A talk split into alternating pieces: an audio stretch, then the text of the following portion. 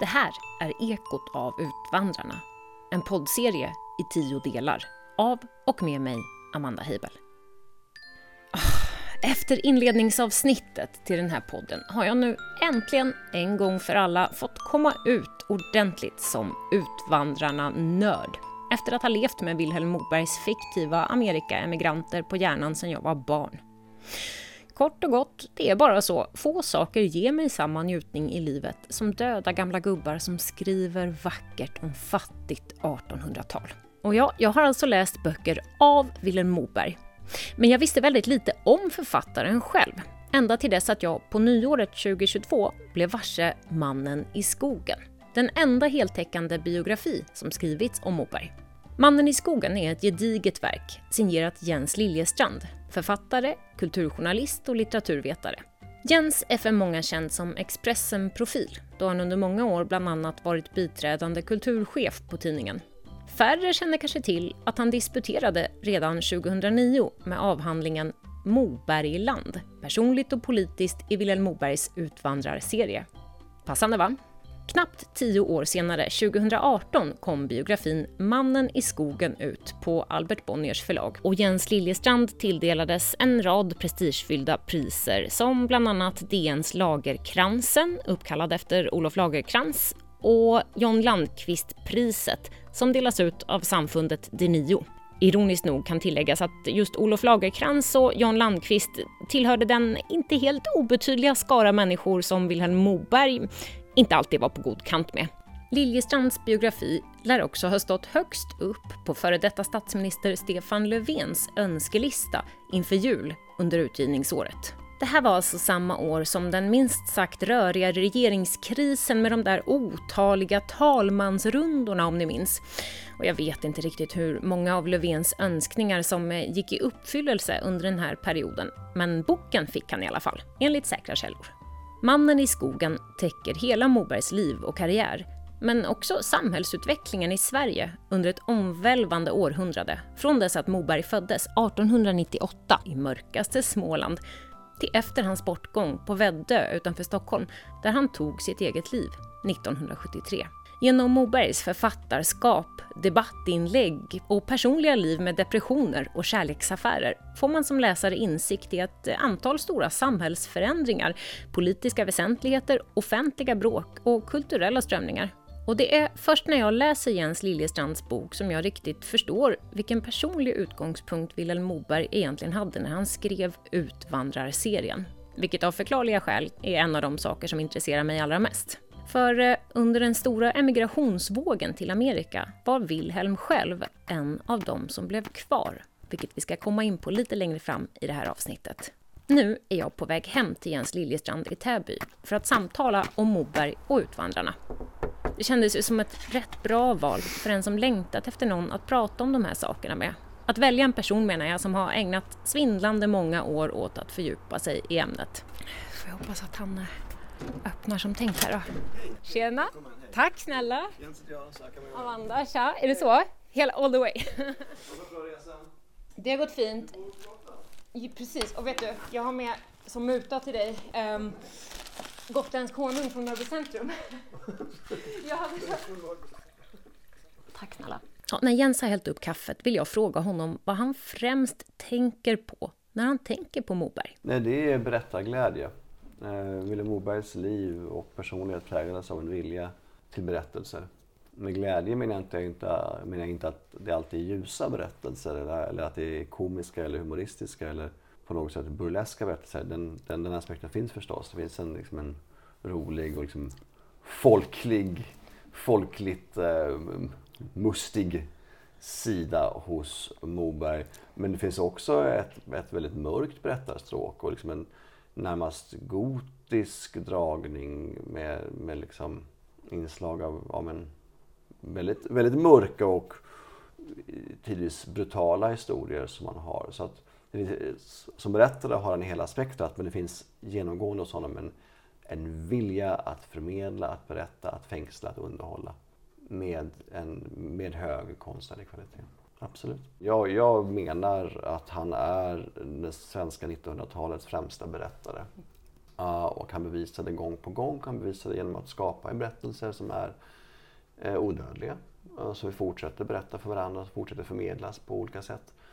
Um, men också berättade, alltså som sig själv som en berättare, att han var, eh, blev tidigt i livet en framstående person när det gäller att liksom åka runt och berätta. Och, göra diktuppläsningar gjorde han tidigt och senare så var han, han dominerade till exempel radion.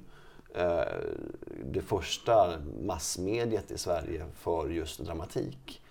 Där han blev en av, de, en av radioteaterns främsta gestalter till exempel. Vilket jag också har förstått bidrog väldigt mycket till att han blev så folklig. Mm. För som du säger att det mm. var ett massmedium som liksom var så ja. nytt där han var pionjär. Ja, det var ju kanske, eller det var för många svenskar den enda chansen att ta del av dramatik som konstnärlig form.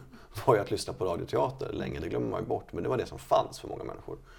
Uh, och då är det klart att det blir oerhört viktigt att när han, när Vilhelm Moberg var en av de svenska författare som var allra mest anlitad av den svenska radioteatern, eh, framförallt på, på 30-talet som är lite grann guldålder där. För han hade ju liksom tidigt eh, det draget av att också vara intresserad själv av att stå på scen, att faktiskt mm. agera och han verkar varit dragen till liksom ensembler och teater. Han tyckte om att hänga med skådespelare och så vidare. Han älskade teater. Mm. Uh, och det var en av hans, skulle jag säga, viktigaste formativa upplevelser i ungdomen var att han var med på en, en amatörteateruppsättning som 18-åring eh, när jag gick på folkhögskolan i Grimslöv. Uh, och där var med teateruppsättning uh, och spelade, det var så här, dåtidens ganska typiska lite Molièreska klassdrama och där spelade han patron. Så jag tror att för honom var det också att i, i teatern kan jag byta roll. Att jag kan klistra på mig löspolisonger och vara patron. Fast jag är en arbetare, eller fast jag är en fattig pojke från, från soldatstugan. Så att teater var också en plats där man kan, där man kan förändras, en mm. plats för transformation. Så teater var ju hans, egentligen den, den genre, den konstnärliga genre som betyder mest för honom. Mm. Skönlitteraturen var han väldigt framgångsrik på men det var dramatikern som gjorde honom till författare. Mm. Alltså dramatiken. Det var ju dramatiken han upplevde sina första stora framgångar som författare och som också gav honom ekonomiska möjligheter att satsa stort på det som blev hans eh, genombrottsroman Raskens. Um, så teatern var oerhört viktigt för Vilhelm Moberg och uh, hans kärlek till, kärlek till som du säger skådespelarensemblerna, um, kärlek till skådespelare och skådespelerskor kärlek till regissörer. Alltså de, de, de, jag skulle säga att de, de intellektuella som Vilhelm Moberg mest respekterade i, i, i, vårt samhälle var inte författare som man ofta tävlade med och det var inte journalister som man ofta liksom var kritisk till och tyckte ljög eller förvanskade eller inte tyckte eller sågade hans böcker. Men den, det slår mig nu när vi pratar, att den, den, så att säga, den kategori intellektuella eller kulturarbetare som jag hade störst respekt för är regissörer. Jag kan inte minnas någon regissör som inte han omtalar med någon typ av vördnad. Alltså, är det sant? Ja, faktiskt. Alltså från liksom från de här figurerna på 20-talet, 30-talet till sådana som Ingmar Bergman. Alltså han hade ju enorma konflikter med Ingmar Bergman och såg sig ja, väldigt sviken av Bergman. Men han var, han var ju enorm respekt för Bergman. Och samma sak med, liksom, med, med utvandrarfilmerna. I sin vana trogen så kom han i konflikt med många kring utvandrarfilmerna. Eh, och vägrade gå på premiären när Utvandrarna hade sin, sin stora premiär i Stockholm. Så vägrade han gå dit. Men det var ju med producenten han hade sin konflikt. Regissören fortsatte han ha en enorm respekt för mm. och sa att jag vägrade, gå på, jag vägrade gå, gå på premiären men du och jag, Jan Troell, sen ska du och jag se filmen tillsammans. Det är um, heligt på något sätt. Så att, så, att, så att teater och filmregissörer var på något sätt ett skrå som han... Jag tror också kanske för att han inte kunde göra det själv. Mm. Det finns inte markerat någonstans i hans historia att han själv hade ambitionen ens att regissera eh, teater mm. eller för film. Eh, aldrig. Eh, vilket är också intressant. Och där i kanske det kunde uppstå då det var en slags som, det var någon, det var någon eller... som, exakt, det var någon mm. som gjorde något helt annat. Som är fantastiskt. Mm. Något så fantastiskt konstnärligt som jag inte kan. När kom du i kontakt med, med Moberg första gången? När min pappa högläste Utvandrarserien för mig som barn. Hur gammal var du då? Ja, då var jag kanske eh, runt tio. Ja. Kanske lite yngre, lite äldre. Mm. Oh, det är, alltså för mig att höra det här, för att eh, nu råkar vi inte vara födda samma år, men ponera att vi hade varit det. eh, och hade träffats. För mig hade det varit väldigt unikt att träffa någon i samma ålder som också hade den erfarenheten av att eh, tycka om Utvandrarserien. Eh, vilka hade du omkring dig som du delar det här med? Pappa hör jag ju då att det, det hade jag också, mina föräldrar. Men... Mm, ingen. Ingen. Det är miljö. Men så är det ju med ofta med läsning att det är ett ganska, ganska ensamt intresse att läsa. Um, ja, å ena sidan och å andra mm. sidan. Det finns ju bokklubbar, mm. det finns ju böcker som är generationsromaner. Liksom. Nej. Nej, men jag var ganska ensam med det. Alltså, minns du vad du tyckte om böckerna när din pappa läste? Jag tyckte nog att de var lite pinsam för att det var det här sexuella inslaget som ja. finns i Utvandrarna och att pappa läste det högt för mig. Alltså jag slapp ju det för ingen läste högt och nej. sen kunde man liksom, eh, man behövde inte diskutera de nej, partierna nej, med mamma och pappa. Nej, sånt där är jobbigt. Sånt där, sånt där, mm. sånt där är jobbigt. Och på dialekt också och så här, mm. jävla... jag, vet inte, jag vet inte hur pappa, gjorde, hur pappa gjorde med det där faktiskt. Nej. nej. men jag fattar. Cringe. Mm, cringe. Lite cringe. Ja, men jag tror inte att jag läste böckerna rakt igenom där och då. Sen så tror jag att, eh, att faktiskt filmerna, Jan Troells filmer, gick som tv-serie i omgångar under min uppväxt. Jag måste väl ha sett dem vid något tillfälle där. Men sen så är det ju faktiskt musikalen Kristina från Duvemåla som har premiär på Malmö, Malmö musikteater eh, 1995. När jag själv pluggade i Lund. Och då eh, såg jag den två gånger där, lyckades få biljetter och såg den två gånger där och tyckte att den var fantastisk. Det, var, det, det är nog en av de teaterupplevelse som har berört mig mest. Alltså att se just, just i början, alltså uruppsättningen där med, med Helene Sjöholm och Peter Jöback tycker jag nog fortfarande är en väldigt, eh, ja, men, nej, men en väldigt stark teateruppsättning skulle jag säga. Eh, och eh, både visuellt och förstås musikaliskt. Och den musiken har ju också så här snart 30 år senare fortfarande musik som spelas och lyssnas på och görs i, i Så mycket bättre och sånt där. Titeln på den biografi som Jens skrivit om Vilhelm Moberg kom han från början inte på själv. Mannen i skogen var Moberg faktiskt själv inne på att använda. Ja, titeln Mannen i skogen eh, hade han först tänkt ha på boken Ridenatt. Eh, men eh, förlaget kanske tyckte att det var behövdes något mer, lite mer uppfordrande och lite mer imperativ. Mm. Så det blev Ridenatt. Men eh, Titeln Mannen i skogen eh, är ju, tycker jag själv är väldigt fin, vacker titel. Och det är ju ehm, Vilhelm Mobergs fascination, alltså det är, det är en återkommande bild hos Vilhelm Moberg. Som jag har ju identifierat ehm, två stycken dominerande spår i hans författarskap. Två motiv som återkommer i nästan alla hans böcker. Och det ena, så kan vi kanske komma in på, men det är ju längtan efter en man. Längtan efter en förlorad son eller en förlorad bror. En, I nästan alla hans böcker så förekommer det en manlig karaktär som är en son eller en bror och den här sonen eller brodern eh, kännetecknas ofta att vara intellektuell eller konstnärlig. Han läser eller skriver eller målar, håller på med musik och vi älskar honom och han dör eller försvinner på ett tragiskt och gåtfullt sätt. Eh, det är det ena som dominerar. Eh, det andra är att hans manliga huvudperson alltid hamnar i en situation där han är ensam i en skog. Ibland bildligt talat en skog som är någon form av återvändsgränd eller vildmark. Men ofta väldigt bokstavligt talat en skog. Han befinner sig i en skog där han dör eller transformeras, förvandlas.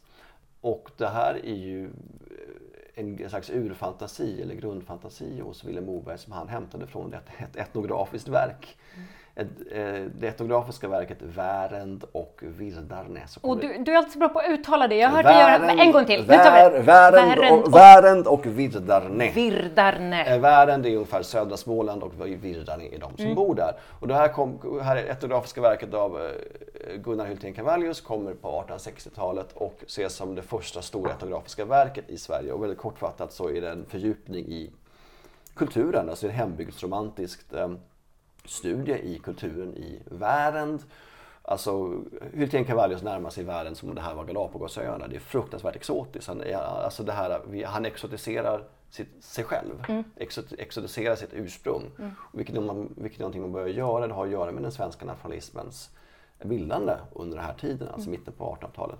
Och just världen och vidarna, deras språk, kläder, traditioner, namn och vidskepelse och allting är oerhört intressant.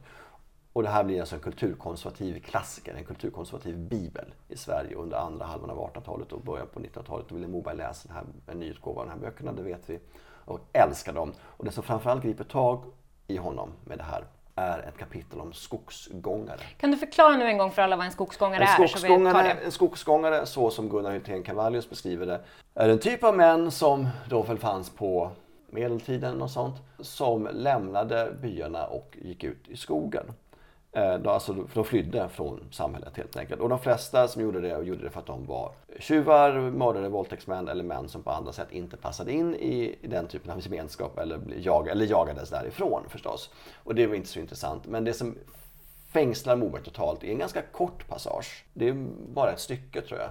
Och Syltén Cavallius, där han påpekar att det fanns också män som inte var ogärningsmän, som inte hade gjort någonting förbjudet, men som valde att lämna byarna ändå av principiella skäl, av, integ- av integritetsskäl. Eh, på grund av någon typ av konflikt eller någon upp- upplevd orättvisa som gjorde att de sa att jag vill inte vara med längre. Jag bryter mot samhällskontraktet, jag lämnar civilisationen, jag går ut i skogen. Fanns det kvinnliga Det skogsgångare? finns ingen, inte, beskriver inte hos Hylten Cavallius. Och det betonas också i Hylten Cavallius, och det här är viktigt att nämna, att ibland är det också de här männen av finare familjer. Att det inte är liksom the low lives utan det, kan, det här kan mycket väl vara liksom högstatusmännen i byarna som av olika skäl, alltså någon slags ädelt liksom, en ädel handling att jag accepterar inte det ni håller på med här, jag går ut i skogen. Det är en väldigt radikal idé att föreställa sig att jag lämnar samhället.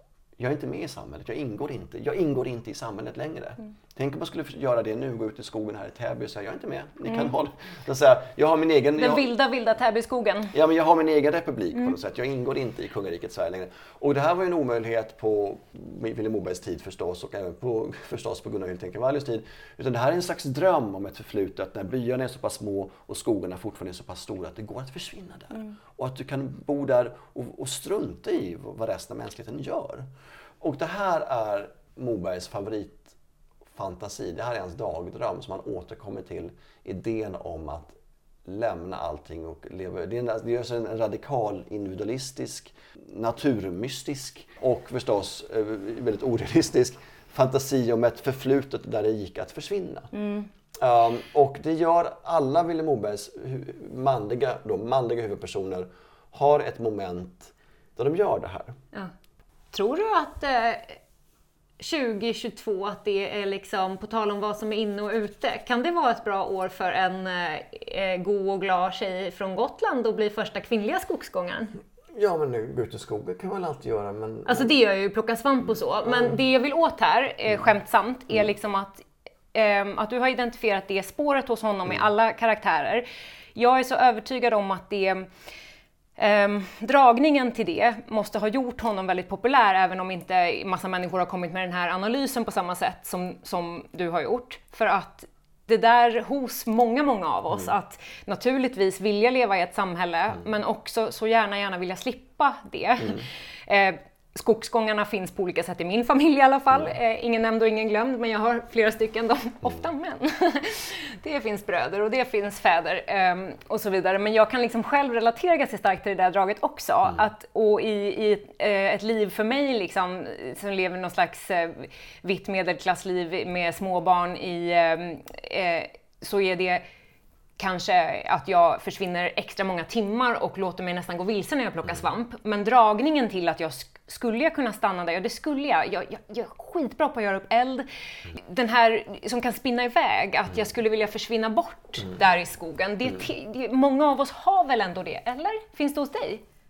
Eh, inte, inte, inte, inte jättestarkt. Gud, nu kände jag att jag kom ut som skogsgångare, det kanske blev jag, kan ha, pinsamt. jag, kan ha det, jag kan ha det på havet ibland. Jag, jag vill fortsätta segla, jag vill fortsätta till... Jag vill ut, jag vill till, Du, ut, ut, de finns också i min ut, familj. jag vill ut mot horisonten. Men jag tänker att det är en väldigt... Um, det är klart att alltså, frihetsbehovet är stort hos människan.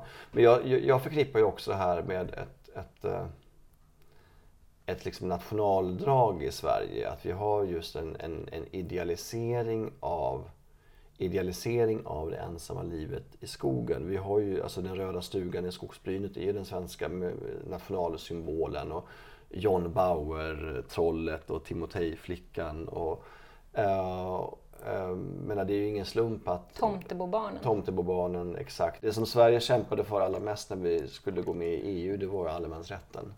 Och det hänger ju också ihop med det här enorma behovet av och det, och det är väl kanske så det blir om du har ett, ett, ett, ett, väldigt, ett, ett till ytan relativt stort land med en till ytan relativt liten befolkning. Att du får de här vidderna. Men det som är intressant och som jag tycker är intressant att påpeka, eller som jag har fått lära mig efter att ha skrivit min bok, det är till exempel att när Moberg växer upp så är det mycket mindre skog i Småland än det är till exempel nu.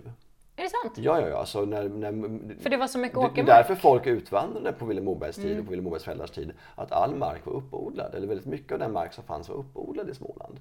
Så det är mycket, mycket mer skog i Småland idag. Man kan, Han hade kanske begrepp, älskat det. Begreppet skog kan Visst. man då säga, det är planterat och så vidare. Mm. Men alltså det är, mer, det är mer beskogat. Jag det, säger ju att det är nu vi ska bli skogsgångare. Det, ja. det finns ju mycket mer sjumila skogar mm. att vandra runt i Småland idag än det fanns på Vilhelm Mobergs tid. Det finns mer vilda djur. Alltså när, när Vilhelm Moberg är i din och min ålder så är vargen utrotad mm. i Småland, mm. eller i hela Sverige för den delen. Nu finns det vargar i Småland. Så att, det jag vill komma till är att, att jag kan också tänka mig att det här Vilhelm Mobergs idealisering av det här beror på att han faktiskt lever i ett samhälle som har väldigt lite av det han saknar.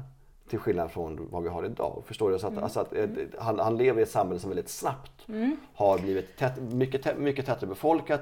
Det har kommit eh, tidiga industrier, det har kommit eh, glasbruk, torvströfabriker, det har kommit järnvägarna. Järnvägen, järnvägsnäten har byggts upp på några, några decennier. Eh, biltrafiken börjar komma stamsoldaterna försvinner, man inför regementen eh, in, in i städerna och så vidare. Så att landsbygden förändras ju väldigt snabbt i södra Småland under andra halvan av 1800-talet. Och då får det här väldigt starka eh, nostalgin mm. som han bär på. Det har ju kanske att göra med att, att han har en dröm. Att, att han, för honom finns det, han kan ju prata med säkert sin mormor eller personer i den generationen som kan, som, har, som kan överblicka hur det var på 1700-talet eller ha kontakt med den tiden och kan se att vi, en gång i tiden så var det något helt annat. Det var, liksom, det var ett väglöst land här och nu går det tåg och vissel, tågvisslan hörs. Och så här.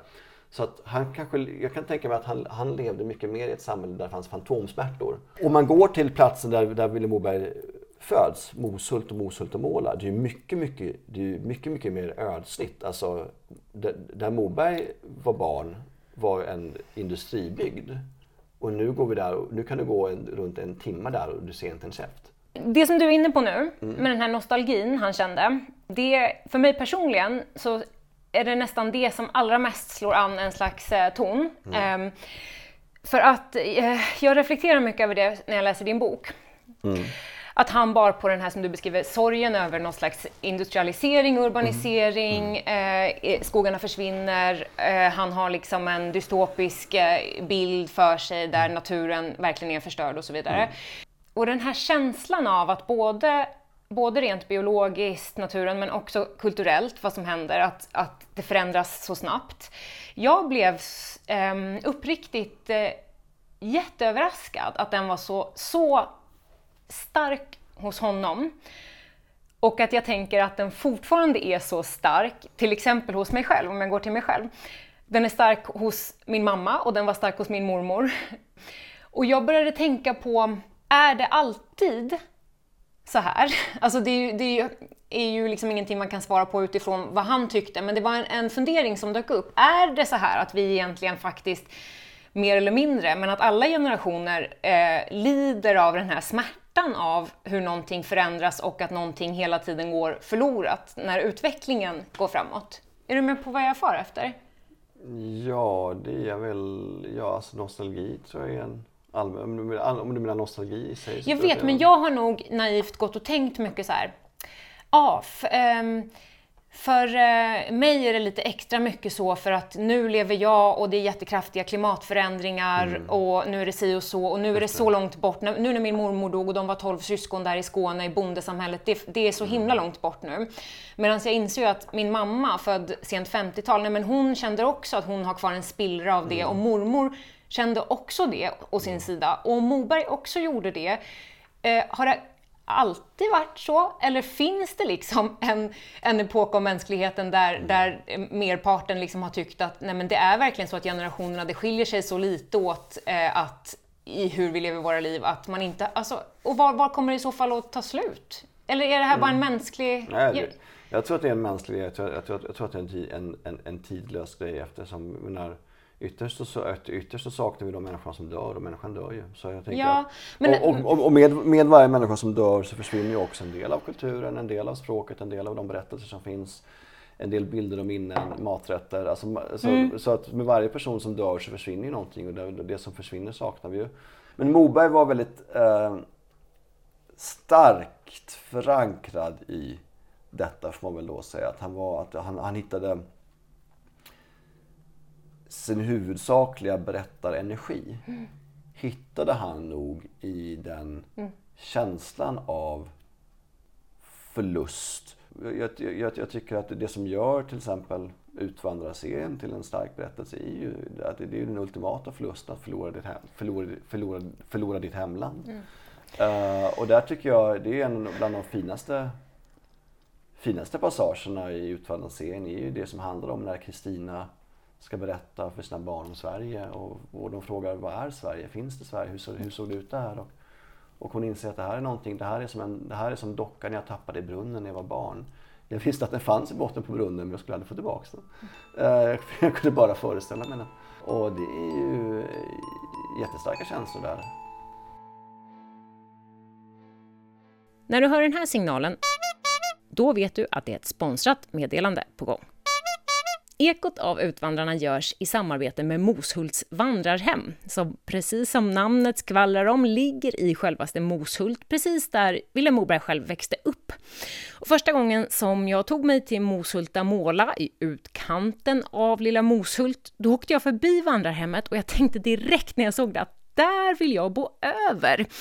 Och det har jag sedan gjort i omgångar under arbetet med den här serien och det har verkligen varit en ren njutning. På Mosuls vandrarhem så får du återhämtning för både kropp och själ. Du sover gott i sköna sängar och kan njuta av en genuin miljö. Och samtidigt så finns det möjlighet faktiskt att boka in både massage och till och med samtalsterapi under vistelsen. Den här väldigt pampiga huvudbyggnaden som fick mig att haja till första gången som jag körde förbi, eh, den har tidigare varit skola. Den kallas då för Nya skolan, för den ligger rakt över vägen från den gamla skolan, där Moberg själv gick som barn. Eh, inom promenadavstånd så hittar du också Mobergstenen som har rest på den plats där eh, Ville i Momåla en gång bodde med sin familj. Och det ligger också i nära anslutning till den 11 mil långa Utvandrarleden, där du med fördel kan njuta av en vandring genom det vackra landskapet. Det är nu eh, andra generationens företagare som driver vandrarhemmet sedan tio år tillbaka och jag fick en pratstund med Katti. Det var Kattis svärföräldrar som startade vandrarhem i skolhuset och nu är det hon själv och sambon Leif Berglund som eh, drivit verksamheten senaste tio åren alltså. Och nu ska ni få följa med mig på ett kort besök in i köket på Moshults vandrarhem där Katti står nästan ständigt och bakar och lagar mat så att man bland annat kan få njuta av helt ljuvligt nybakat bröd på morgonen. Det är sån lyx. Och lite extra lyxigt kan det också bli om du satsar på ett vandringspaket när du utforskar leden? Leden är ju naturligtvis öppen för alla, men vill man ha det lite bekvämare och lite enklare så kan man då boka in sig på paket hos oss och då är det ju helpension med övernattning och mat, man får med sig ett lunchpaket och sen så får man ge sig ut och vandra. Och vi har även då en liten garanti att kommer man bort sig så ska vi leta upp. Nej, nu blev jag nästan sugen på att, på att gestalta att jag blir borttappad bara för att få uppleva en sån här räddningsaktion. för att se om vi hittar det. När ni rycker ut. Någonting som jag vet att många eh, har njutit av här när de kommer hit och ska äta oavsett om det är i samband med guidad tur i området eller om man liksom guidar sig själv och vandrar eller vad man nu gör. Det är en mobergare, vad är det? Ja, från början så var det ju Wilhelm Moberg som tyckte om den här rätten. Han hade en hushållerska som gjorde en enkel pannbiff på fläskfärs och den ska serveras med kokt potatis, gräddsås, krösamos och inlagd gurka. Och den här hushållerskan då, hon var då moster till min svärmor. Hängde du med på den? Ja, ehm, jag ska tänka ett varv, men ja, precis. Så att eh, tidigare eh, ägaren här, eh, hennes moster. Mm. Ja. Mottan tror jag de kallade henne Mottan. för. Mm. Ja. Moster Mottan. Ja, precis.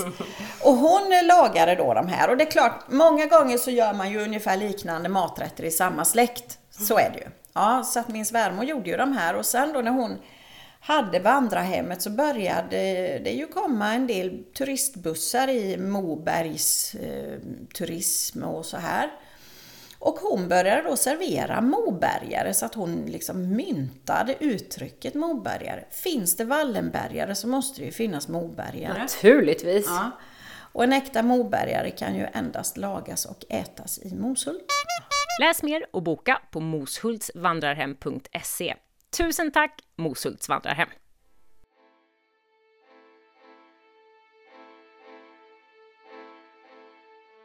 Eh, nu Jens, så ska jag, jag bli lite mer eh, konkret här och komma Ja. tillbaka till Varsågod. Mm.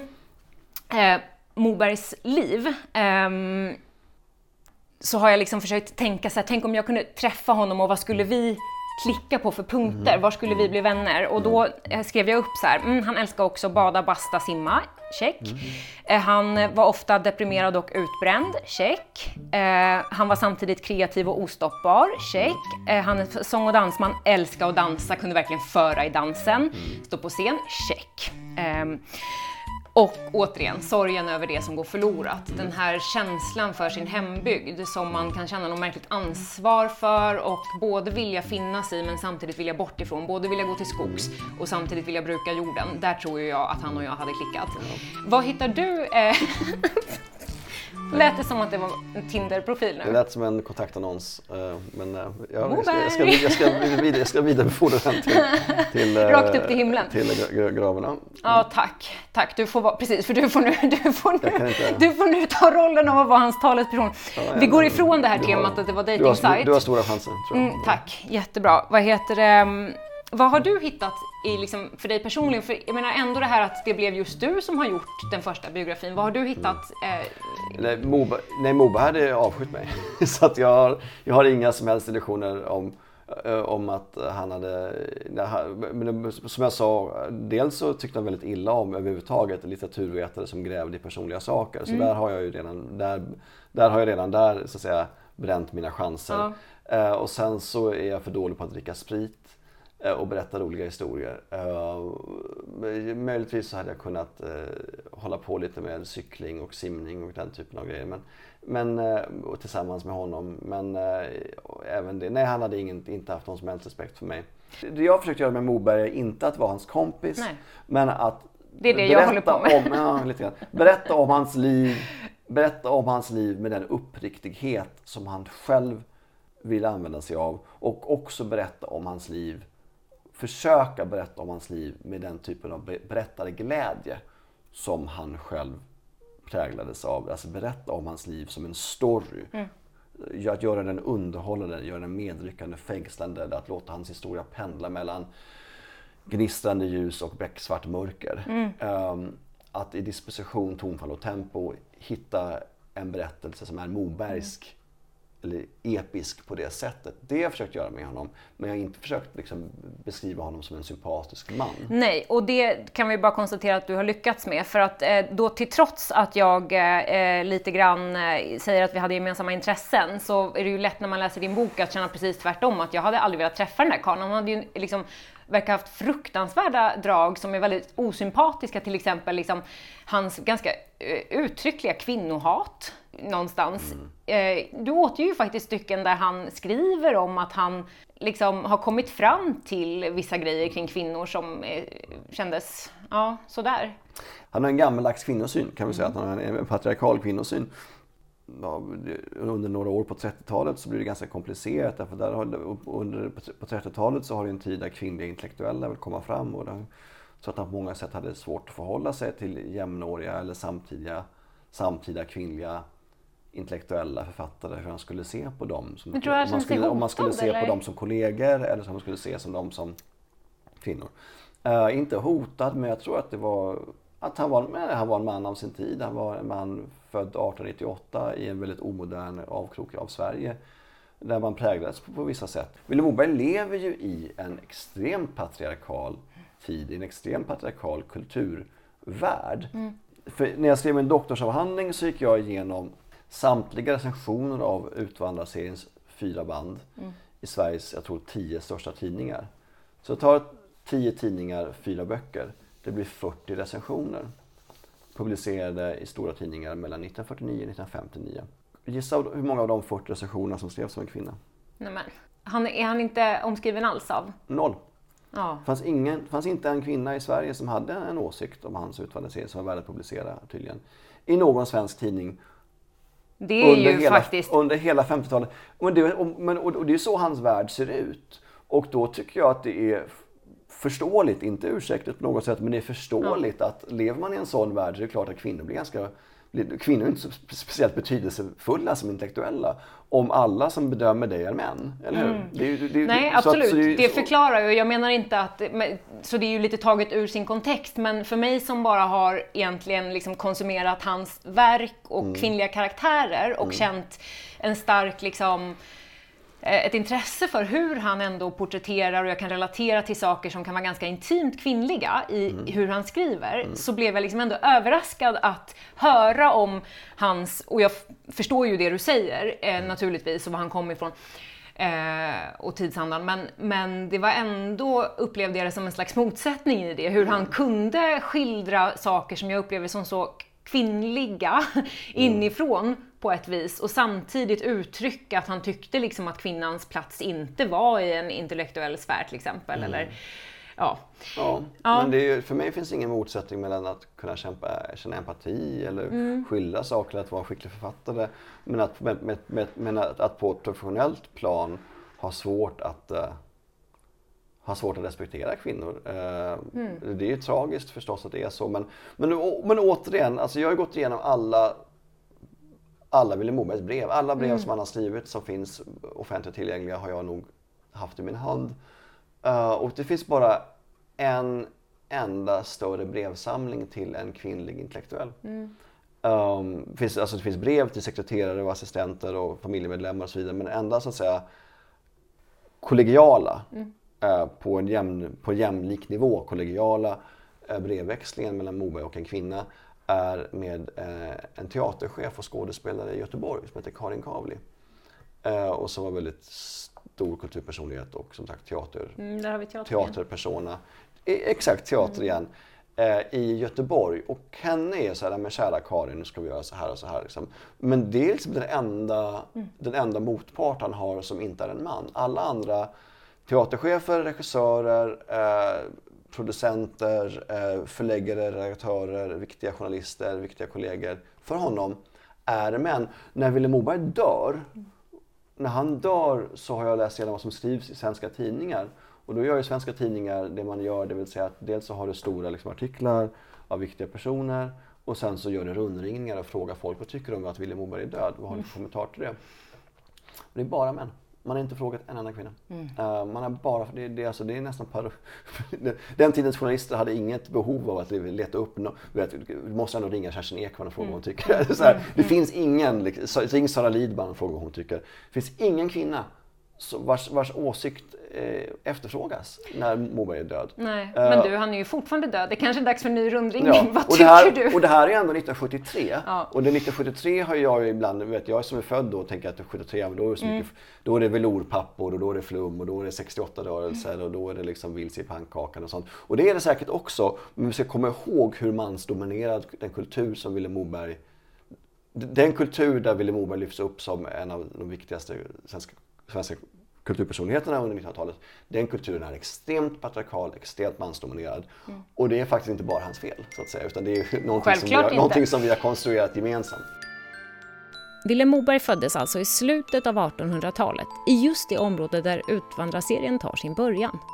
Och trots att han sällan själv ville prata om saken så påverkades hans eget liv enormt starkt av den omfattande utvandringen till Amerika. Men det är väldigt intressant för hans, hans familj präglas fullständigt av utvandringen till Amerika. På det sättet att hans far och mor var båda två ensamma kvar i sin respektive syskonskara.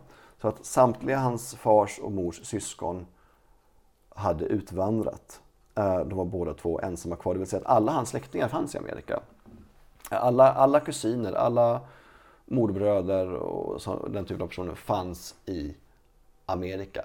De var ensamma kvar i Sverige. Och, hade, och för hans mor var, de hade helt enkelt sett delvis på grund av att de var ensamma kvar. De fick alltså ansvara för sina föräldrars, alltså Mobergs far och morföräldrars försörjning. Men var det därför de var kvar i grunden, föräldrarna? Det var ju olika skäl. Hans far var ju stamsoldat så det var en karriär du kunde ha i Sverige på den tiden. Hans mor hade nog stannat mycket på grund av omsorg om sin mor, tror jag. Det är jag inte helt säker på. Men, men så det gör ju att hela släkten finns i Amerika.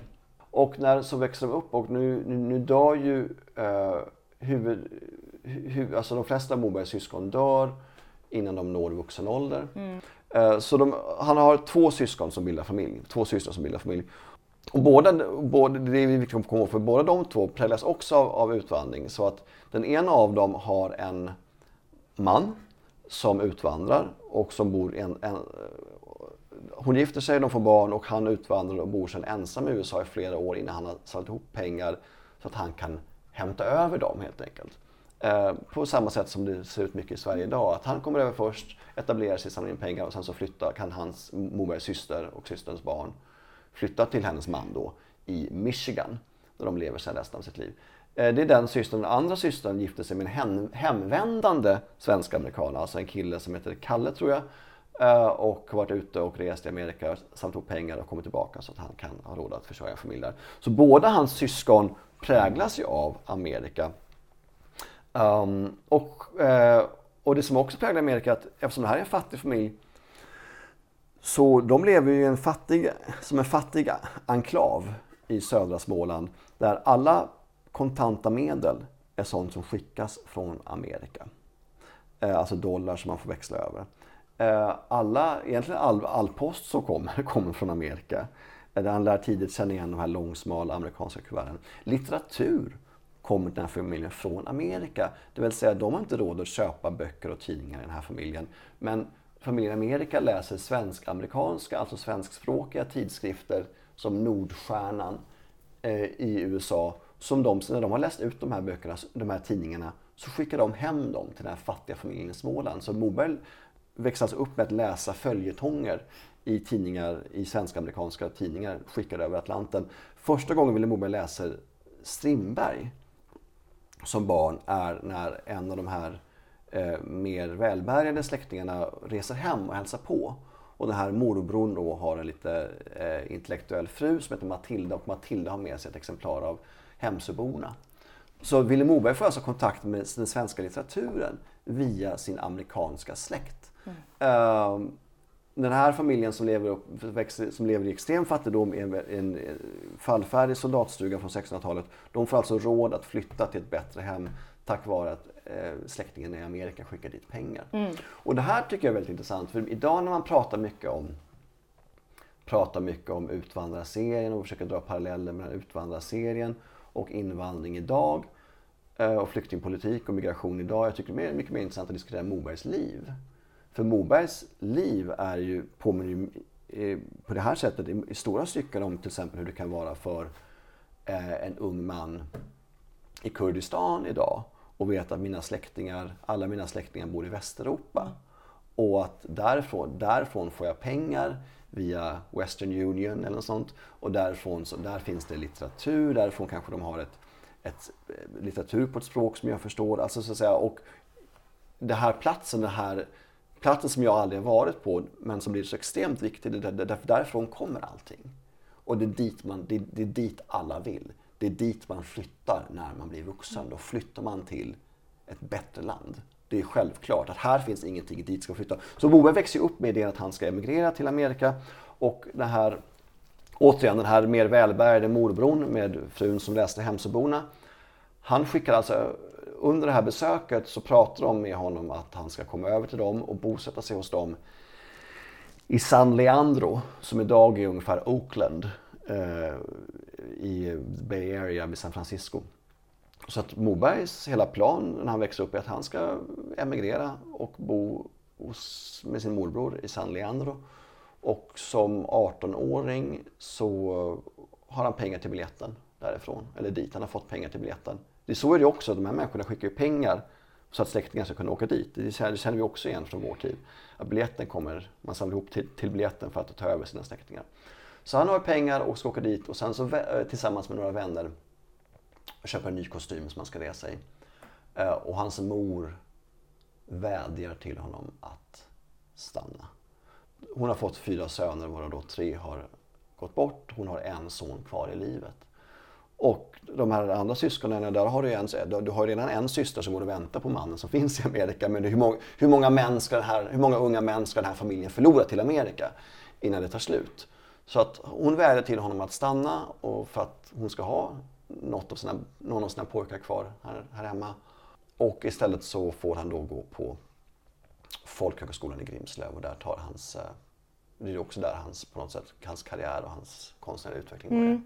Det är så otroligt speciellt att han har den där eh, jag tänker på det som ett trauma som det ändå mm. måste vara att hans mm. kamrater åker iväg och mm. han är så nära men den här mm. slitningen, mm. återigen hembygden, omsorgen om familjen, släkten, att inte kanske kunna göra det valet och svika det och så vidare men att samtidigt då inte få uppleva sin dröm av att emigrera.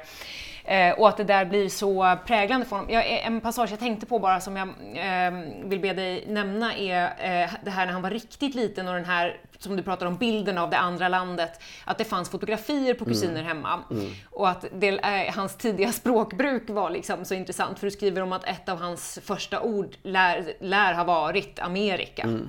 Amerika. Det, det, det, är klart att i en sån här familj så pratar du jättemycket om Amerika. Därför mm, det, i, I Amerika finns allting och du har ingenting.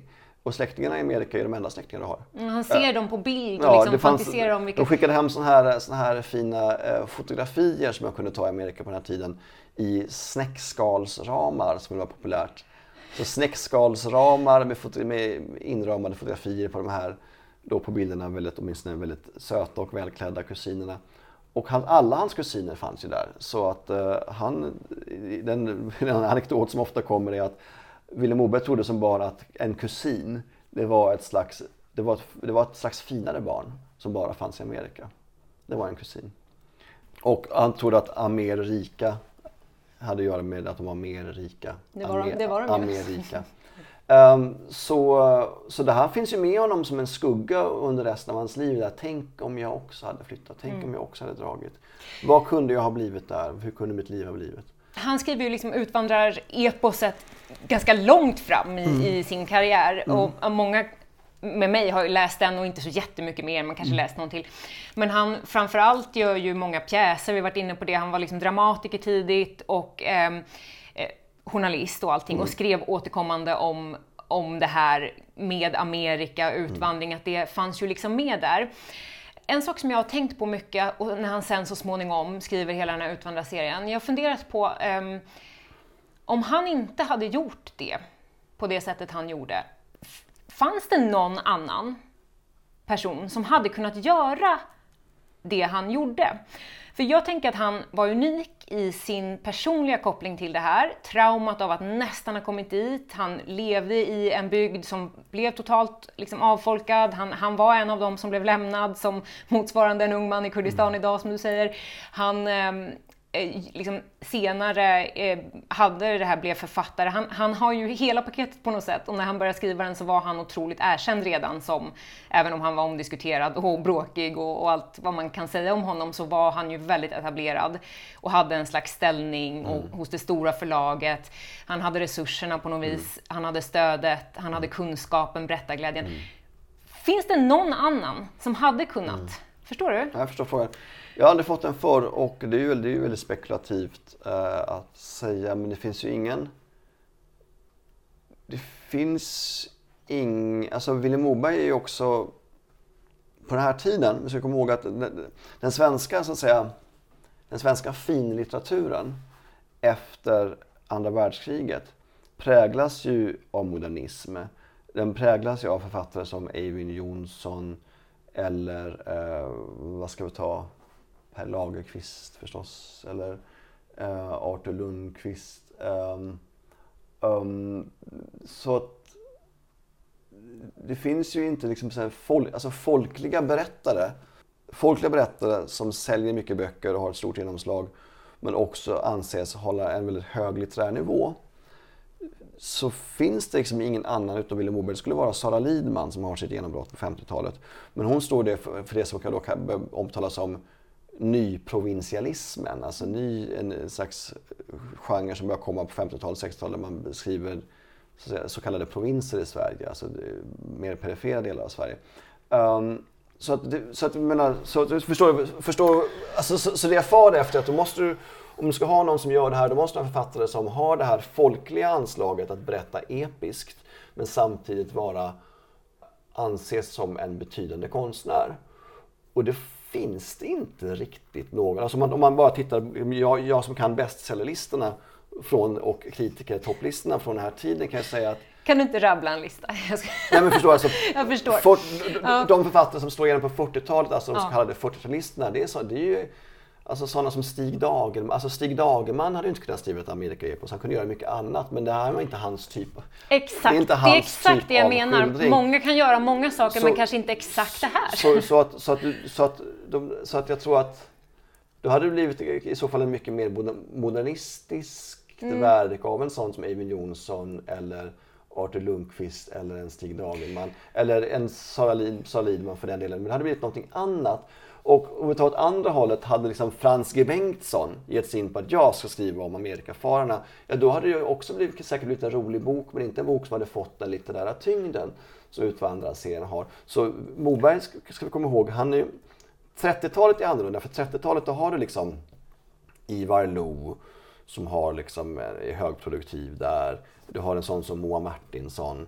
Du har en sån som Jan Fridegård.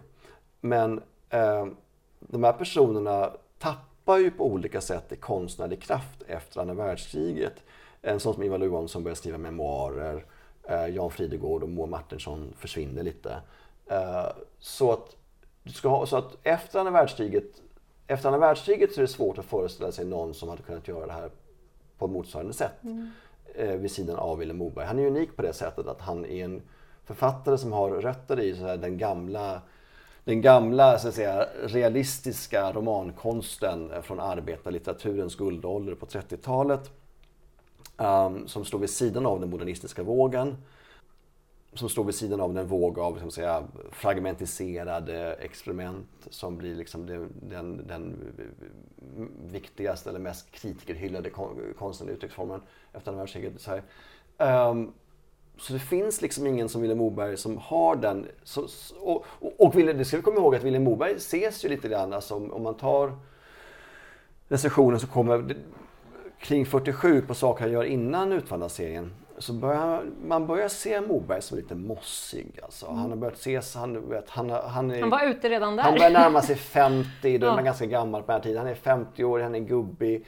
Uh, han ses som lite grann, han har varit populär i Tyskland, det vet man hur sådana är. Han, han, man, man sätter ihop hans namn med Blut und båten. Vilket förstås är ett extremt stigmatiserande begrepp efter andra världskriget, då är man ju i princip nazist. Uh, så han ses liksom som en liksom förlegad, mossig, uh, ideologiskt lite osund, pekoral gubbe liksom. så det är ju ett, ett enormt ett enormt så att säga karriärmove han gör där. Så det, det, och det, det, det, är också intressant att fråga sig vad hade hänt med Willem Moberg om han inte hade precis. tagit det steget. Det är ju också, och, återigen, precis som du själv säger, allt det här är ju hypotetiskt, mm. men det är ändå svindlande att försöka tänka på att han att, nu, att det nu blev som det blev, mm. att han eh, var i livet och mm. tog sig an i så många år att jobba med det här. En historia som liksom inte var skildrad riktigt och som mm. uttalat från, från start eh, skulle göras en gång för alla. Ursäkta man talade om det liksom som ett epos eh, redan innan, innan mm. arbetet var mm. gjort. Den var tänkt, liksom, uttänkt i tre delar, det blev mm. fyra delar mm. och så vidare. Det fanns liksom en plan om att nu ska vi en gång för alla göra en historia som skildrar mm. det här ur karaktärer, liksom, med folkligt berättande men också en slags historisk liksom, skildring. Um, Sen finns ju diskussioner om vad som är historiskt korrekt och inte i, i vissa bitar och så vidare. Men det är ju alltid så här med litteratur eller med eh, undervisningsmaterial eller vad det än är, att det urvalet du har blir ju väldigt eh, präglande, liksom. vilken del av historien berättar vi och så vidare. Och hans verk i det här fallet har betytt jättemycket för många personligen, men också som ett sätt att lära sig att förstå vad hände med Sverige under den här tiden. Och det är därför jag funderar så mycket på om han aldrig hade skrivit den, om någon annan skulle försökt göra det, vi kan ju aldrig veta hur det skulle sett ut, mm. men, men det är ändå svindlande att försöka tänka på att just så här blev det. Mm. Det blev just han. Eh, det blev på just det sättet mm. under så många år. Mm. Ja, absolut. Det, det, och, det, och det har ju betytt jättemycket för den svenska självförståelsen och det sättet som vi det sättet som vi förstår utvandringen som historisk händelse präglas fullständigt av eh, de här fantasifigurerna. Det är det jag är lite är nyfiken på också, för det är ju ändå fiktiva karaktärer, mm. även om vi vet liksom att, eh, återigen, han vill inte prata om det, men hans historia mm. återkommer på massa sätt. Det är allt från liksom barn då, syskon i hans fall och sådär, som dör, att mm. man har det väldigt kärvt och fattigt eh, eh, och så vidare. Eh, han har ju massor av de här bitarna med sig och även många detaljer. Om vi mm. tänker till exempel, många som har läst minns ju Roberts öra som stör honom hela tiden efter ett slag han har fått och som följer med honom. Det där eh, kanske inte härstammar från ett slag, men Vilhelm Moberg hade det där susande örat själv. Mm. Det finns ju mängder av sådana paralleller eh, mm. som jag har lärt mig ta mycket tack vare eh, din bok. Jag, jag, menar bara att han hade en helt unik liksom, eh, position i i varifrån hans berättande kom. Mm. Men sen precis som du är inne på, det är ju fiktiva karaktärer eh, som sen många har valt, eh, medvetet eller omedvetet, att betrakta mm. som, mm. eh, som mm. verkliga historiska de personer. De substituerar eh, historisk eh, fakticitet. Ja, hur ser du på det? det, är liksom det... Eh, så att säga, nej, jag, jag, tycker att det är intressant och jag, det är svårt att säga att det är det är svårt att säga att det är fel, men jag tycker att det finns en, en, en, en omedvetenhet, äh, märker jag, äh, hos svenskar när man försöker förklara att emigrationen gick inte alls till så. Uh, alls. Det finns alltså inget belägg för att någon enda svensk familj någonsin bodde vid odlingsgränsen till exempel. Som Nej, för Karl Oskar uh, kan vi bara säga då, han är ju här en typ av skogsgångare ja, minns. Han söker sig ja, längst ut. Ja, men så, det finns ingen svensk som gjorde så. Uh, som är historiskt belagd. Um, för att ta det exemplet. Det finns, och de svenskar som överhuvudtaget levde som nybyggare uh, var sådana som hade rört sig i landet i flera år dessförinnan, ofta i, i frireligiösa eh, communities eh, under ganska jobbiga förhållanden med kolera och sjukdomar och svält och umbäranden och sen så tog sig därifrån och tog mark i till exempel Minnesota. Men det var ju sådana som rört, som rört sig i landet i åratal. Um, de som tog mark, alltså nybyggarna i USA är ju, är ju folk som har, alltså, det, alltså nybyggarna i USA handlar ju om en inre migration i USA, inte om invandrare som kommer att ta mark. Um, huvudsakligen. Uh, så det här är, till skillnad från då Karl Oskar som i princip åker raka vägen. Han, han, de övernattar inte ens i New York, de åker bara vidare samma dag. Ja. Uh, så så här håller det på. Um, och, men, men också att hela, att hela utvandringen till Amerika beskrivs som en, en, en, en, någonting som en kärnfamilj gör snarare än att det är någonting som en, en, st en större grupp gör. Att det var ju stor, stora grupper som utvandrade och stora grupper som bodde tillsammans. Det är sant att det bodde svenskar vid Kichi-saga men de bodde 16 personer i ett hus. Inte mamma, pappa, barn i ett hus. Så att det den, den kollektiva berättelsen försvinner hos Moberg. Ehm, den, den migrerande berättelsen, att du irrar runt i landet i bra många år innan du tar mark, den försvinner. Ehm, du hittar på det här med att de bor så långt ut för odlingsgränsen. Men det som också försvinner är ju, är ju den urbana historien. Att det finns nästan inga urbana miljöer alls i Utvalla-serien. De är i New York i några timmar och sen åker de raka vägen ut i, ut i vildmarken. Mm. Eh, det finns några passager där de är i St. Paul tror jag. Men, men herregud, den svenska utvandringen till, till USA är huvudsakligen en urban historia. Mm. De, bor, de bor i svenska getton i Chicago, i St. Paul. Uh, andra, uh, andra delar, andra städer i mellanvästern. Det är ju en, en liten minoritet som blir farmade. Uh, men hela den historien, som till exempel Ola Larsmo berättar om i Swede Hollow. Jag tänkte säga det, för det finns ju något exempel men ändå inte många mm. hittills på mm. någon som kanske har tagit sig an en helt annan sida av det här. Så, att, så, att allt det här så, att, så, att allt det här försvinner ju om man tror att Moberg har den enda sanningen och om, om, om man lär sig allting utifrån Moberg. Och det som framförallt jag har reagerat på det är ju också att det här då används som som ett slags uh, argument i migrationsdebatten. Att flyktingar till Sverige, det är vår tids Karl-Oskar och Kristina.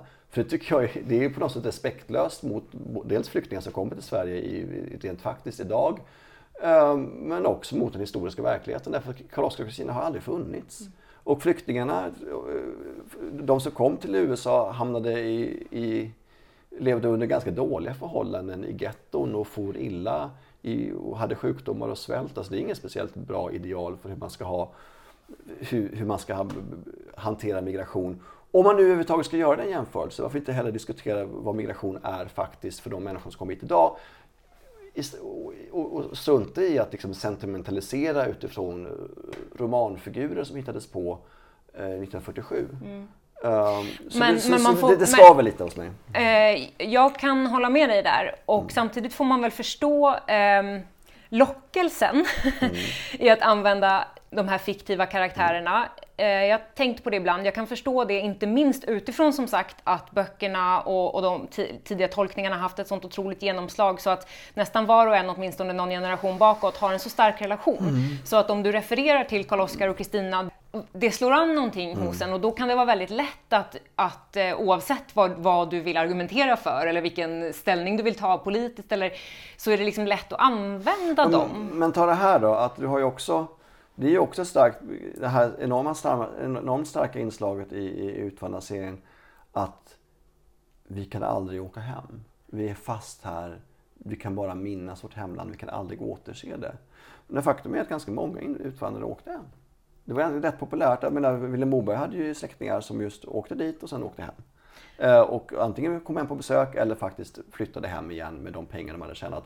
Så Gjorde man det så tidigt som liksom mitten på 1800 det, det var väl någonting du kunde göra senare men, men, men mitten på 1800-talet, okej okay, då kan vi ta det exemplet också, det var nästan ingen som utvandrade i mitten på 1800-talet. Så det är också påhitt. Eh, de flesta utvandrade efter den stora svältkatastrofen 67-68. Mm. Um, men, men så att så den här enorma nostalgin handlar också mer om Vilhelm Moberg själv. Alltså det, går ju, det gick ju de facto för människor att utvandra. En annan sak som jag tycker är väldigt intressant det är ju det här enorma främlingskapet som Karl-Oskar och Kristina upplever i det att de är så ensamma och ingen omkring dem talar svenska. Och deras, framförallt att Karl-Oskar och Kristinas barn inte talar svenska. Och Karl-Oskar och Kristinas barn gifter sig utanför den svenska gruppen. Alltså en av pojkarna gifter sig med en irländska och en gifter sig med, med, med, med, med tyskar och norrmän och så här menar, i själva verket så är den svenska gruppen extremt homogen i USA i flera generationer framåt. Mm. Så även långt in på 1900-talet så fanns det så svenska fackföreningar och eh, svenska körer tror jag. Och även när Moberg gjorde research för böckerna, alltså hundra år efter att Karl-Oskar och Kristina i romanen kommer dit, så mötte han ju svensktalande i Minnesota. Och det fanns ju, som jag berättade tidigare, det fanns ju svensk-amerikanska tidningar som var jätteviktiga under den här tiden. Så att var finns hela den kulturen för Karl-Oskar och Kristina? Utan det är som att de lever i en total ensam urskog där det inte finns någonting. Om man läser den historiska verkligheten kring mm. eh, området kring Kichi Saga, alltså mm. samhällena Lindström och Scania. Det, det byggs ju upp ett samhälle med liksom hantverkare och affärer. De bygger en bro rakt över Kichi Saga. Mm. Den finns vem inte, skulle finns, hjälpa mig ut här livet den här, här, den här, den här, den här, den här bron som byggs tvärs över Kitchi Saga, den är då inte med i boken kan man säga. Utan där är det här ensamma livet. Vet du vad, vet du vad jag börjar tänka Så på när du berättar om det här? Eh, kopplat till att Moberg aldrig ville prata om sin personliga historia så mycket, så blir det så intressant att föreställa sig för att när man vet lite hur han, han skrev mm. merparten av böckerna i USA, han reste runt mycket. Mm. Han tyckte inte om de urbana miljöerna, Nej. gillade inte dem, han ville Nej. ut i skogen. Mm. Eh, han han eh, hade dragning liksom åt de historierna, han hade en dragning åt ett multikulturellt samhälle. Han mm. verkar ha romantiserat och tyckt om, för senare till exempel Karl-Oskar, sent i böckerna, han är gammal, Kristina går ju bort, spoiler alert. Och eh, han sitter där med liksom eh, barn och barnbarn. Han är ändå nöjd hur det har blivit. De mm. talar olika språk det är mm. någon, eh, och de har irländskt påbrå det mm. har blivit en mix. Och han gillar det här. Det är multikult liksom. Ja. Han tycker om det.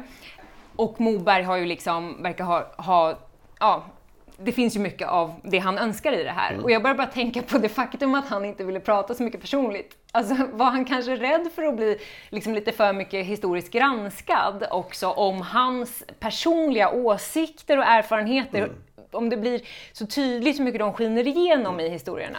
Nej, men alltså, det ska man komma ihåg att Moberg påstod ju själv aldrig att hans roman var ett historiskt dokument. Nej. Utan han var helt öppen för att jag har ändrat årtal och jag har ändrat saker och det här är en, det här är en roman. Mm. Uh, om, uh, så att han, han avvisade ju just historisk granskning för att säga att men ni, jag skulle, det hade varit jättekul ifall du, så att säga, vad roligt att du forskar om utvandring till USA. Det hade varit jättekul ifall du hade gjort det innan jag skrivit min bok. För det, för det ska vi också komma ihåg att Vilhelm Mobergs utvandringsserie sätter igång en våg av forskning mm. kring emigrationen som man delvis är ganska kritisk till för att säga vad spännande att ni gör det här nu. Mm. För, när jag skulle, för när jag skulle skriva de här böckerna för 20 år sedan, det fanns minsann ingenting. Nej. Jag var tvungen för han, det får man ju ge honom, vilket eh, liksom många år, precis som du har ägnat mycket tid åt att mm. forska kring honom. Mm. För jag tycker ni har något, det finns något mm. gemensamt där, att verkligen sätta sig in ja, i fullt ut. I han gör en riktig grundforskning där, absolut. Ja.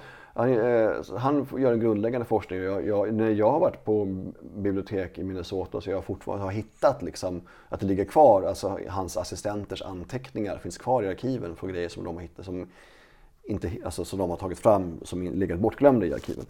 Um, så absolut, jätteviktig insats. Men, men, men det finns ju saker som är helt liksom, jag menar, Robert och Arvids guldgrävaräventyr. Det, det där det, det, är intressant. Kan jag... du inte dra det lite kort? Nej men, nej, men, nej, men Robert bestämmer sig för att han vill, att han vill gräva, guld, mm. i, gräva guld i Kalifornien så han lockar med sig till sin kompis Arvid dit. Så efter bara tillbringat en vinter, tror jag, vid Kitchisaga så uh, samlar de ihop pengar och ger sig av uh, ner för Mississippi för att ta sig till Kalifornien och gräva guld. Och då tar de sig ner för floden lite grann och sen så börjar de vandra ut och kommer väl någonstans i Missouri, Nebraska någonting. En bit från St. Louis. Eh, och hamnar i en öken. Och, den där, och i den här öken går de vilse och, eh, och, vilse, och, och, Arvid, och Arvid dör. Och eh, Robert lever väldigt deprimerad och olycklig men med liksom en förmögenhet, förmögenhet i pengar. Och sen tar sig hem till tar sig typ mer eller mindre till fots tillbaka till Kitchesaga där han lever i sju dagar, sju nätter och sen dör. Och där uppkom frågan, men den här, den här öknen som de går vilse i, den ligger alltså i Missouri, Nebraska, som är ett jordbrukslandskap som har ett klimat ungefär motsvarande Sverige. Det är som att de skulle gått vilse, jag brukar säga skämtsamt, det är som att du skulle ha en karaktär som går vilse på en glaciär utanför Borås. Mm. Det kan man då inte göra. Och det här har väckt så här frågor, det här väcker fortfarande, jag får fortfarande så här mail från folk. Kan inte du förklara var den här öknen ligger? För hittar den inte på kartan. Man säger, det finns ingen öken där. Mm. Moberg hittar på hela öknen. Uh, han, hade han var inte speciellt intresserad av, av, att det skulle vara historiskt totalt autentiskt att de tar sig. Och det, och det har ju lite svårbegripligt därför att menar, han, han kan ju berätta så varför kan han inte låta låta dem ta sig till, till Kalifornien. För, för det fanns ju guldgrävare på riktigt. Precis, och varför? Ju... Menar, vad finns det för anledning att kasta om det för så? Att han, Hade han, han, för att han, är en, han, kon, han är en konstnär. ja. alltså, man glömmer bort att Moberg är en konstnär. Och det här är, han, här är en konstnärlig berättelse och just Robert och Arvid historien eh, är mer av en allegori än en liksom historisk skildring av någonting som kan ha hänt. Och, eh, och det är naturligtvis i sin fulla rätt att göra och ha all, och all respekt för det. Men det blir, det, det, blir problematiskt när folk börjar använda det här som ett historiskt källa mm. till hur utvandringen faktiskt är till. Och det är ju återigen, han kanske aldrig har hävdat, som du säger, mm. att det här är historiskt korrekt. Eh, så visst kan man säga att omvärlden har valt att tolka det medvetet och omedvetet på det sättet i omgångar, i generationer. Men jag tänker bara själv som läsare av böckerna.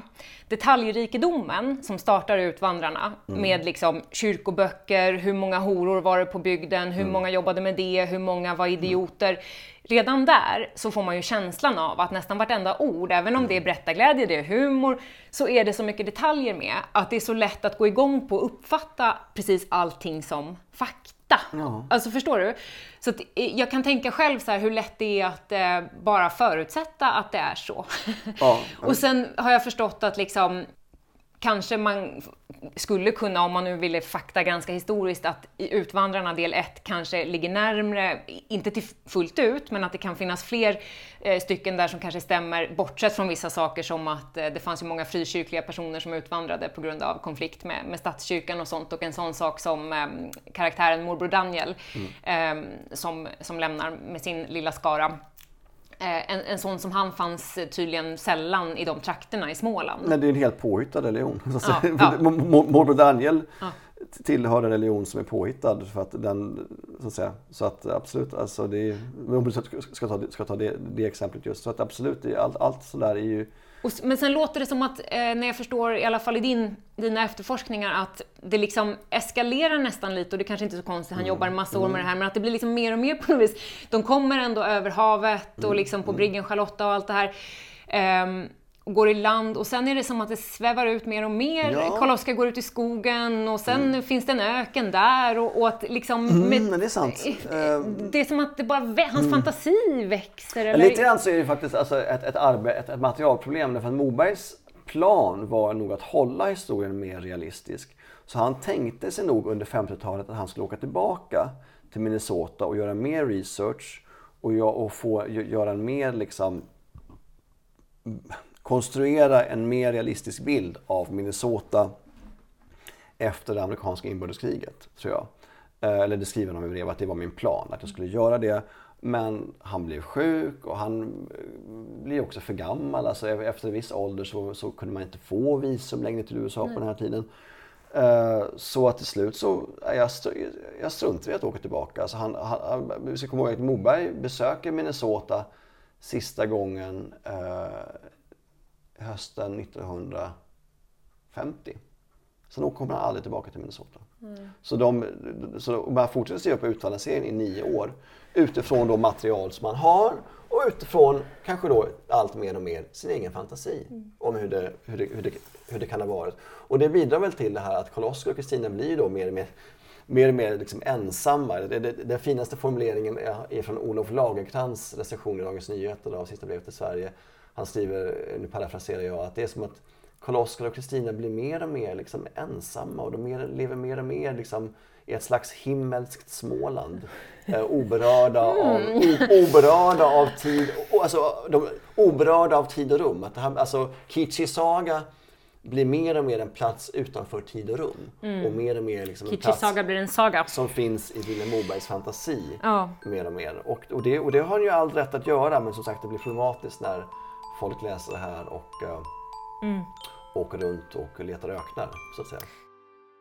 Moberg har varit inne och ute och inne igen. Avslutningsvis ber jag Jens Liljestrand att trendspana lite. Vad kan vi vänta oss framåt? Ja, jag tänker att Vilhelm Moberg kommer vara lite som Evert Taube. Hur är Evert Taube då? Ja, en evergreen och någon som aktualiseras gång på gång när man tänker på liksom... Med tveksam kvinnosyn. Eller Astrid Lindgren eller Selma Lagerlöf. Alltså någon som på något sätt vi alltid, alltid kommer vara relevant. Sen kommer det säkert gå i vågor. Eh, men eh, han är en av de sakerna som kommer finnas, en av de ytterst få saker i förlängningen som kommer finnas kvar från det svenska 1900-talet. Är det säkert. Ja, oavsett hur lika eller olika jag och Stefan Löfven genom åren har tyckt i olika frågor så är vi ju i alla fall överens på en punkt. Jens Liljestrands Moberg-biografi Mannen i skogen är en toppengrej att skriva upp på önskelistan. Om det inte vore för det som jag har lärt mig av den här boken så kanske den här ljudresan hade gått åt ett helt annat håll, rent geografiskt i alla fall. Men ganska snart ska vi långsamt röra oss söderut. Tack för att ni hänger med och lyssnar till Ekot av Utvandrarna. Du har lyssnat på en produktion från Moxie Media.